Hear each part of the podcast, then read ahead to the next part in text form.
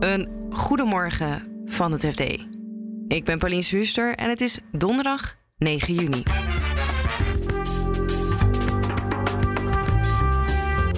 De voltallige directie van IT-bedrijf Centric is opgestapt. En dat heeft van alles te maken met de veten die hun eigenaar Gerard Sanderink voert tegen zijn ex. Ja, zij wilde een, een procedure bij de ondernemerskamer gaan, gaan starten. Uh, over de invloed die toch nog zou hebben. En vandaag hoor je de ECB waarschijnlijk vertellen dat de rente omhoog gaat. De OESO die zegt ondertussen: centrale bank, wees voorzichtig. Als je dan op de rem gaat staan, ja, dan maak je het eigenlijk nog maar erg. Want je lost de inflatie misschien niet 100% op. En tegelijkertijd zak je groei nog verder terug. Dit is de dagkoers van het FD. We beginnen bij Centric, het IT-bedrijf van de Twentse multimiljonair Gerard Sandrink. Die een jarenlange ruzie heeft met zijn ex tot in de rechtszaal aan toe. En die ruzie die heeft er nu voor gezorgd dat de voltallige directie van zijn bedrijf is opgestapt. Ga ik het over hebben met techverslaggever Stijn van Gils. En om dit verhaal een beetje te volgen, heb je wat voorkennis nodig op een aantal momenten is het onrustig geweest bij Centric. Uh, en, en dat begon zo ongeveer 3,5 jaar geleden. Toen, um, toen Sandrink uh, brak met uh, zijn ex-vriendin, nu Brigitte van Echten. En ja, ongeveer op dat moment Rian van Rijbroek in zijn leven kwam. en eerst raakte hij het vertrouwen kwijt in, in uiteindelijk het volledige bestuur van Centric. en, en toen is er een tijdje ja, officieel geen enkele uitvoerende bestuurder geweest. De afgelopen tijd was het weer wat rustiger. Er was uh, een nieuwe directie uh, van Patrick Rozekar, de, de, CFO, en, en Johan Taams, de CEO. Ehm, dus, dus het leek eigenlijk weer een beetje rustiger te worden. Niet, niet rondom de conflicten van Sandring zelf, maar in ieder geval wel binnen Centric. En dat eindigde ineens toen uh, Centric uh, zich mengde in het privé-conflict.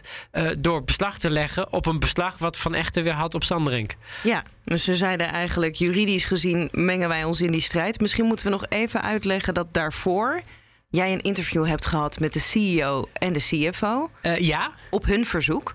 -huh. Waarin ze uit, nou ja, eigenlijk zeiden dat het wel een privé kwestie was. ja, heel erg een privé kwestie zelfs. Uh, dus ja, dat we een week later over die beslaglegging hoorden. Ja, dat was wel heel raar. Nu zijn zij dus, zij beiden zijn opgestapt. Um, Weten we of dat zo is dat zij zijn opgestapt of weggestuurd? Wat is er precies gebeurd? Ja, wat, wat we daarvan weten is uh, de, de directie, dus die Johan Taams en uh, uh, Patrick Rozengaarde, die waren er echt niet gelukkig mee dat, um, dat dat beslag gelegd was en de wijze waarop dat allemaal gegaan was. zij zouden uiteindelijk alleen maar een handtekening gezet hebben en er, en, en nou interpreteer ik een beetje, een beetje ingeluist zijn. Ja, ja zij wilden een, een een procedure bij de ondernemerskamer gaan, gaan starten. Uh, over de invloed die Sandering toch nog zou hebben. Ja, dus de directie van het bedrijf die wilde de eigenaar van het bedrijf voor de ondernemingskamer dagen, zeg je dat zo? Uh, ja, zo ongeveer, ja. Maar dat wilde de rest van de. Ja, ja er zijn ook nog drie niet-uitvoerende bestuurders. Uh, en ja, die wilden dat niet. En toen hebben de uitvoerende bestuurders besloten om dan maar weg te gaan. Want hadden ze het wel kunnen doen, die CEO en CFO? Ja, ze hadden dat door kunnen zetten.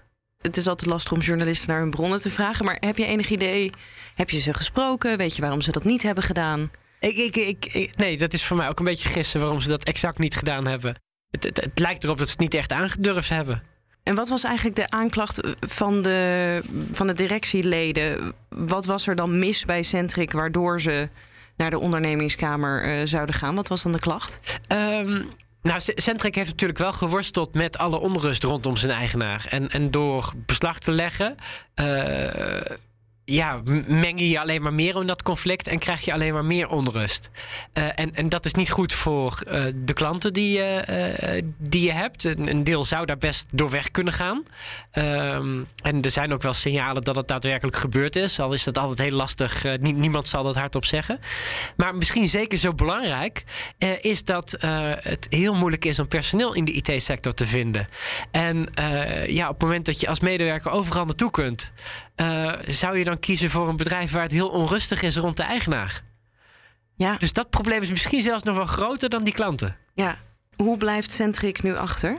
Um, ja, er is al heel snel een nieuwe CEO benoemd. Uh, dat is uh, Peter Maus, ja, een van de huidige niet-uitvoerende bestuurders. Die niet dat onderzoek wilde? Die niet dat onderzoek wilde. en ja, verder moeten we afwachten hoe, hoe, hoe het gaat de komende tijd. Ik ben heel benieuwd. Kan ik dan zeggen, want nou, die nieuwe directie... die waren dus niet per se vertrouwelingen van Gerard Sandring. Die wilden juist het heel erg scheiden. Ja. Um, dat er nu alleen nog maar vertrouwelingen over zijn? Nou ja, dit, dit is voor de reputatie van Centric natuurlijk niet goed. Nee. En het, het, er waren al een aantal klanten geleidelijk aan afgehaakt. Uh, uh, DNB wil bijvoorbeeld het, uh, ja, het huidige contract niet verlengen, terwijl dat wel gekund had, de Nederlandse bank. En in het jaarverslag van de Nederlandse bank stond op verschillende punten dat het onrustig was bij Centric.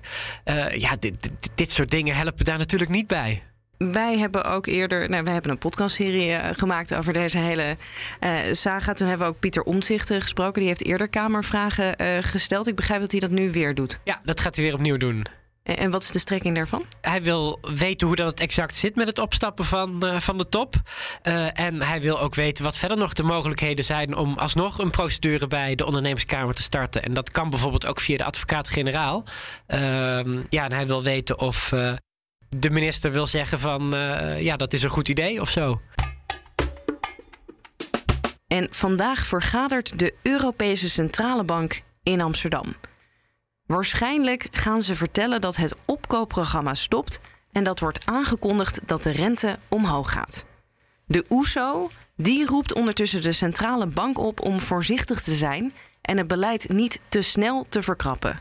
Die waarschuwing deden ze in de economische vooruitzichten onze redacteur macro-economie Marijn Jongsma las ze door. Dus de bekende doom en gloom, dus minder groei, uh, hogere inflatie. Um, en ze zijn vooral vrij somber over Europa, omdat daar de, de klap van de inval in Oekraïne harder aankomt. Ja, en je zou denken, hoge inflatie, dan moet de ECB iets doen, namelijk verkrappen. Maar zo zien ze dat dan niet helemaal. Nou, uh, de boodschap is iets subtieler in die zin dat ze zeggen: kijk, uh, de combinatie van lage werkloosheid, uh, ook in Europa, en hoge inflatie, noopt wel tot um, het afbouwen van de, van de monetaire stimulans, zeg maar. Dus, dus harder op het gaspedaal trappen uh, heeft geen zin. En je zou zelfs de voet van het gaspedaal moeten afhalen. Wat houdt dat praktisch in? Dat houdt praktisch in dat je de rente wel moet verhogen. Die, die staat nu op een niveau waarbij de economie per saldo gewoon stimuleert. En dat je ook moet ophouden met opkoopprogramma's. Nou ja, dat je eigenlijk naar een soort normalisatie moet. Alleen, zeggen ze, het tempo waarin je dat doet en de kracht waarmee je dat doet, uh, moet wel verschillen. En er is sprake van aanbodinflatie. Dus die inflatie die we zien, um, die komt voornamelijk uit hele hoge energieprijzen. Die, die zijpelt nu wel door helemaal in het systeem. Dus ja. dat het wel steeds breder wordt. Maar dat los je niet op met monetair beleid? Nee, dus eigenlijk kun je zeggen... er is een hele hoge inflatie door uh, hoge grondstofprijzen. Door de inval voornamelijk uh, in Oekraïne. Uh, nou, die inflatie die gaat uiteindelijk ook vreten aan de groei. Want consumenten hebben minder te besteden... Um, het leidt tot veel onzekerheid, dus investeringen die, die komen onder druk te staan. Als je dan op de rem gaat staan, ja, dan maak je het eigenlijk nog maar erg. Want je lost de inflatie misschien niet 100% op. En tegelijkertijd zak je groei nog verder terug. Nou kun je zeggen, ja, doe dan helemaal niks als ECB. Dat is nou ook weer wat veel gezegd. Want uh, die inflatie, zoals gezegd, wordt steeds breder. Dus je moet wel iets doen om de boel een beetje af te koelen. En de economie draait ook nog wel goed. Alleen je moet het weer niet zo hard doen dat je de boel een recessie indraait. Ja, en um, nou ja, we kunnen door de werkelijkheid uh, zijn ingehaald. Even de vraag van wanneer je deze podcast luistert. Maar vandaag komt er een persconferentie. Dan verwachten we dat de ECB zegt: Nou, dat opkoopprogramma dat stopt misschien gelijk, misschien over een paar dagen. En dan in juli en september gaat de rente iets omhoog. Waarschijnlijk met 25 basispunten. Dus zitten we uh, eind van het jaar. Zijn we van de negatieve rente af? Is dat dan behoedzaam genoeg? Nou, kijk, de OESO zegt je, je moet voortdurend de situatie in de gaten blijven houden. Dus blijkt nou dat je een enorme terugval krijgt in de economie, ja, dan zou je misschien uh, het tempo waarin je de rente verhoogt, wat moeten. Uh, uh, naar beneden moeten drukken. Je ziet nu de rente stijgt doordat de inflatie stijgt, maar stijgt niet overal even hard. Hè. Dus het gaat veel harder in Italië, Spanje, et cetera. De landen die, die we dan als kwetsbaar afficheren. En de OESO zegt ja, eigenlijk moet je dus ergens moet je daar wel een soort gerichte actie ondernemen. om te zorgen dat dat niet uit de hand loopt. En, en ze zeggen dan, ja, je moet flexibel zijn. er zit een enorme bult met obligaties op de balans van de ECB. Nou, die worden, daar wordt een deel van afgelost. Een, een heleboel brengen ook nog steeds wel rente op. Dus er komen inkomsten binnen. Die inkomsten zou je kunnen gebruiken om bijvoorbeeld Italiaanse staatsobligaties te kopen. Dus Dat zeggen ze ook niet eens met zoveel woorden, maar daar komt het wel op neer. Denk je dat de ECB uh, luistert naar zoiets? Nou, kijk, dit is de worsteling waar de ECB natuurlijk zelf mee zit. Hè. Ik bedoel, ze zijn in Frankfurt uh, zeker niet gek. Uh, er lopen allemaal hele slimme mensen rond die, die precies met dit probleem worstelen. Namelijk, hoe kunnen we zeg maar beleid normaliseren, zodat we ook weer wat ruimte hebben om eventueel te stimuleren als we in zware weer terechtkomen. Dat is ook nog een punt. En zonder de boel in een recessie te draaien. Ik bedoel, dat, dat is precies de balanceeract van de OESO. Daar zijn ze bij de ECB zeer wel bewust van.